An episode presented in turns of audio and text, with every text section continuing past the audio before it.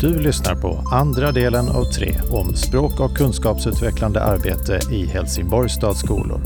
I det här avsnittet pratar vi om kompensatoriska verktyg. Det finns många olika verktyg som stödjer språkutveckling.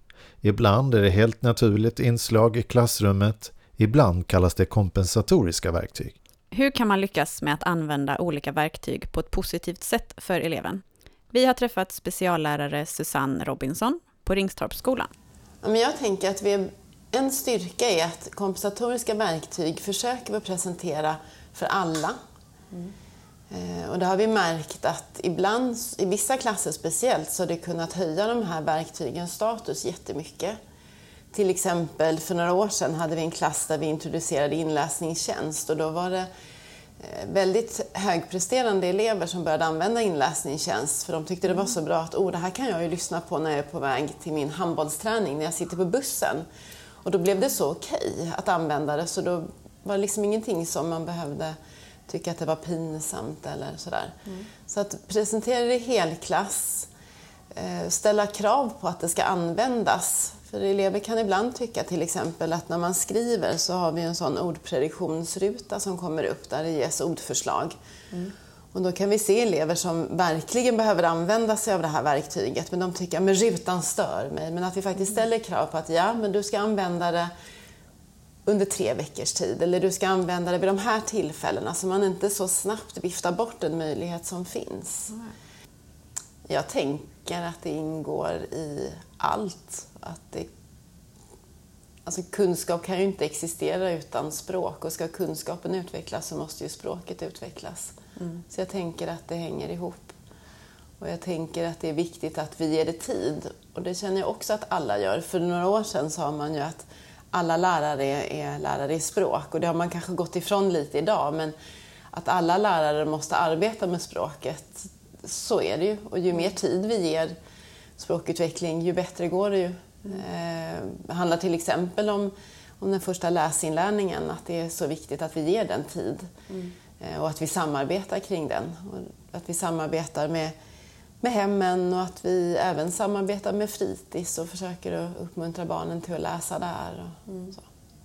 Och en sak som blev betydelsefull för våra nyanlända det var att vi började med att tänka att det handlade om svenska som andraspråk som mm. sen då gick vidare till att men det är nyanländas, hela deras lärande. Eh, som vi sen arbetade vidare med väldigt eh, strukturerat och vi gjorde enkäter med eleverna eh, och vi pratade med några av lärarna och då insåg vi att men det handlar ju om extra anpassningar, att vi måste bli bättre med det för alla elever, inte bara just den här lilla gruppen. Utan mm. att, så att, det, för, att vi har en öppenhet och att man eh, är beredd på att förändra sitt synsätt. Att det som började med svenska som andraspråk, det slutade med att vi under föregående läsår hade eh, extra anpassningar som ett prioriterat mål och arbetade extra med det. Mm. Och det kan vi se att det har varit ett givande arbete som har förändrat verkligheten för eleverna men också synen hos många av lärarna. Mm. Till vardags jobbar vi mycket med stödstrukturer. Mm. Får man ta med sig dem in i proven? Är det okej? Okay? Kan man ha eh, till exempel så som Skolverkets prov ser ut, att där är ofta att orden finns presenterade. Använd de här orden när du skriver en text. Mm. Är det okej okay, eller är det att erbjuda eleverna för mycket hjälp? Så där är väl diskussionen. Mm. Nu. Mm. Och sen har vi, tror jag alla är väldigt bra på att anpassa prov genom att säga att ja, du har möjlighet att göra det muntligt eller du kan tala in din text till mm. exempel. Mm. Eller så. Att det är så viktigt att vara rädd om elevernas lust. Att, att, vi, eh, att vi arbetar mycket med motivation, att motivera eleverna. Och den lusten de har med sig när de kommer till skolan, att man är rädd om den, att den finns kvar. Eh, och arbetar du kompensatoriskt så blir det mer lustfyllt. Mm. Eleverna blir självständiga och det är jätteviktigt att de känner det att jag kan, att inte att jag är hjälpsökande utan med hjälp av mina verktyg så kan jag ta mig an den här uppgiften själv. Mm. Och om vi erbjuder dem rätt kompensatoriska verktyg så kan de delta i undervisningen på ett sätt som i högre grad liknar kamraternas förutsättningar. Och då har man ju kommit ganska långt, mm. tänker jag. Eh, och det ger, att vara självständig ger mycket självförtroende och det gör att det blir roligare också. Mm. Och det tycker jag är jätteviktigt. Jag brukar ha en, en ganska tydlig arbetsgång som vi har ute i klassen också. Mm. Att ett, skriv din text. Två, lyssna på din text eh, och rätta då. Mm. Använd rätt, lyssna, eh, använd rättstavningsfunktionen, rätta. Kanske läs tillsammans med en kompis, få feedback.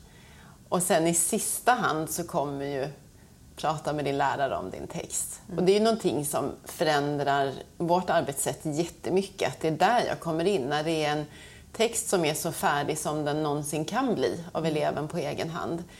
Istället för att komma in, komma in mycket tidigare där det är betydligt fler fel. Så att mm. eleven blir ju mer självständig att arbeta med sin text.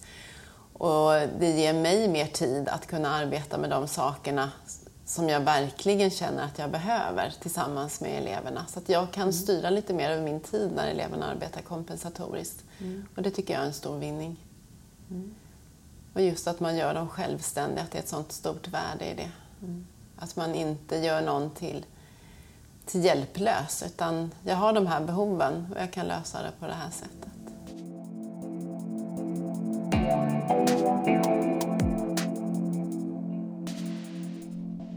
Mikael Bäcklund är chef för team språkutveckling och skoldatateket på Pedagogiskt center. För honom är dessa frågor också viktiga. Det här vikten av att man försöker avdramatisera användandet av de kompensatoriska verktygen. Hon resonerar kring hur hon har jobbat i sin grupp med eh, både talsyntes och rättstavningsprogram. Det jag tycker är viktigt är ju egentligen att det vi pratar med assisterande lärverktyg eller kompensatoriska verktyg.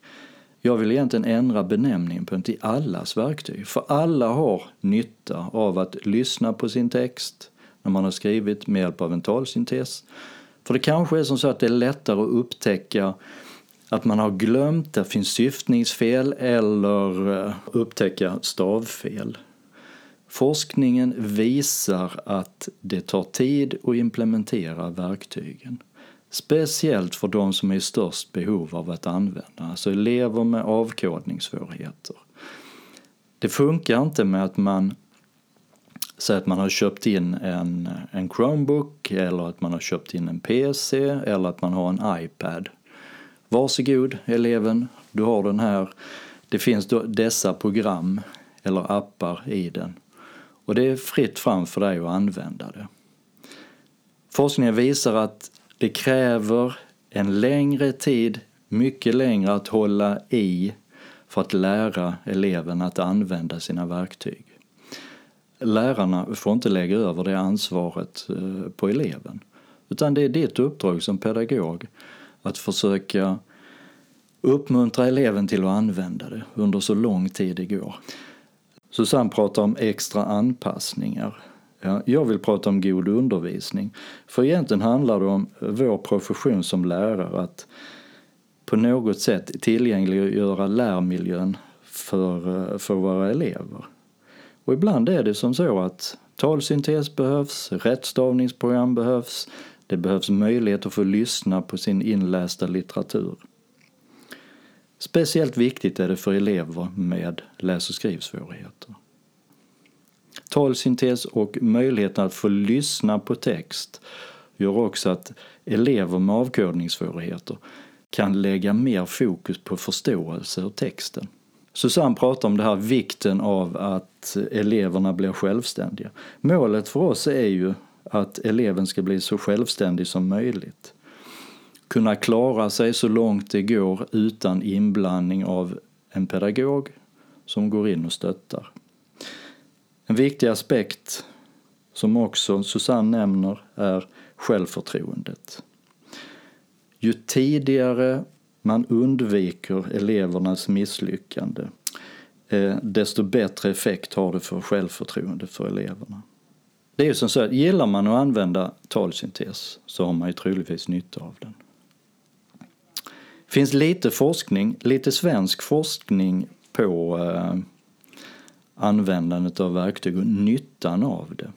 Det finns bland annat en studie som är gjord eh, 2017, Gruner, Hedenius och Östberg eh, som visar tydligt nyttan av att använda talsyntes för elever med avkodningssvårigheter och dyslexi.